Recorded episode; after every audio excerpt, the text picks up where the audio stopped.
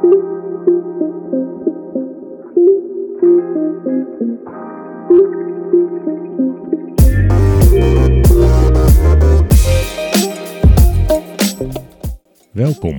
Leuk dat je luistert naar de AMLC-podcast van het Anti-Money Laundering Center. Witwassen vormt een ernstige bedreiging voor de economie en tast de integriteit van de financiële sector aan. Het AMLC is een kennis- en expertisecentrum waar publieke en private partijen nationaal en internationaal samenwerken om witwassen te bestrijden. Met de AMLC-podcast willen we partijen op een toegankelijke wijze steunen bij het effectief bestrijden van witwassen.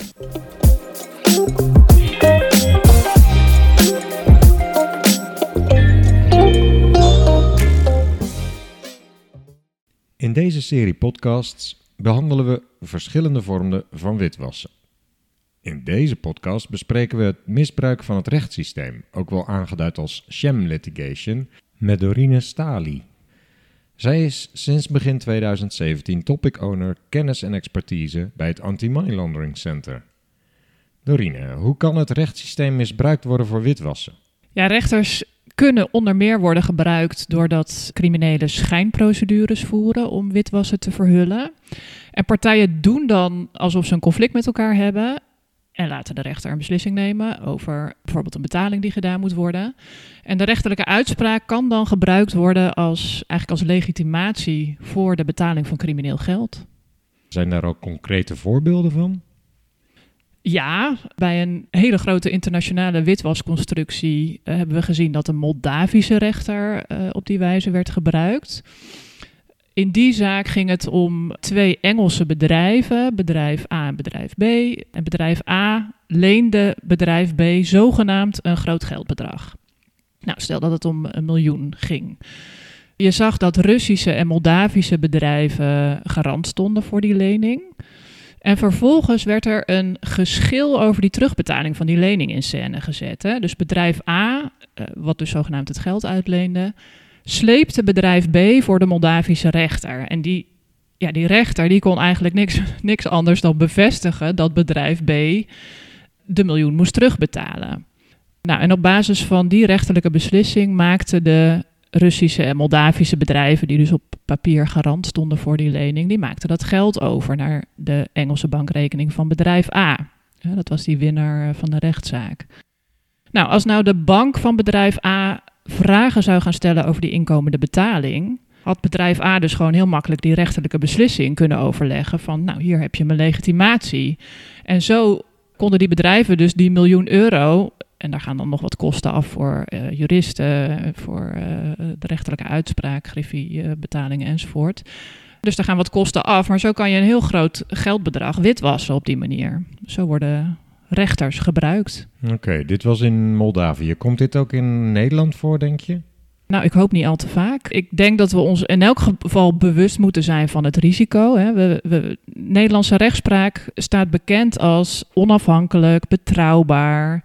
En dat geeft zo'n uitspraak van een Nederlandse rechter, ook in inter internationaal verband, een hele grote mate van legitimiteit. En als je dat combineert met het feit dat hè, de civiele rechter afgaat op informatie die partijen aandragen, en de civiele rechter doet niet zelf onderzoek, maakt dat wel dat alertheid bij de Nederlandse rechters ook geboden is. Wat veel mensen niet weten is dat Nederlandse rechters zich jaarlijks over weet ik hoeveel zaken buigen waarin buitenlandse entiteiten tegenover elkaar staan.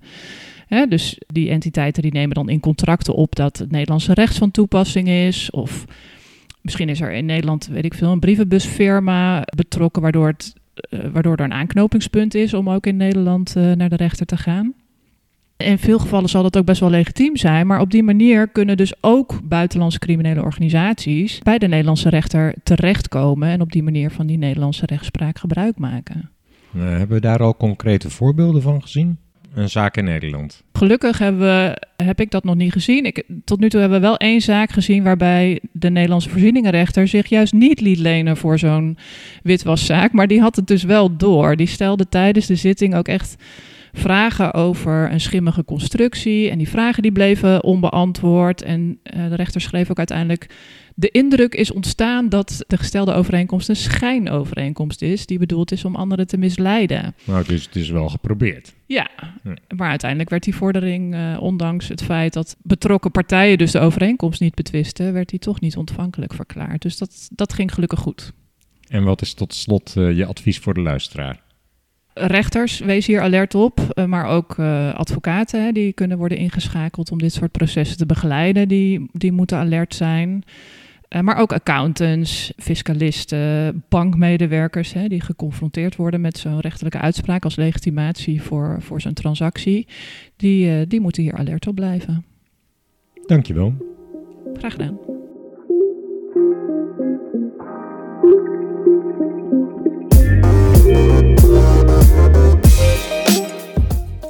Dit was een aflevering van de AMLC-podcast. Dank voor het luisteren. Wil je geen podcasts missen? Abonneer je dan op de AMLC-podcast in je podcast-app.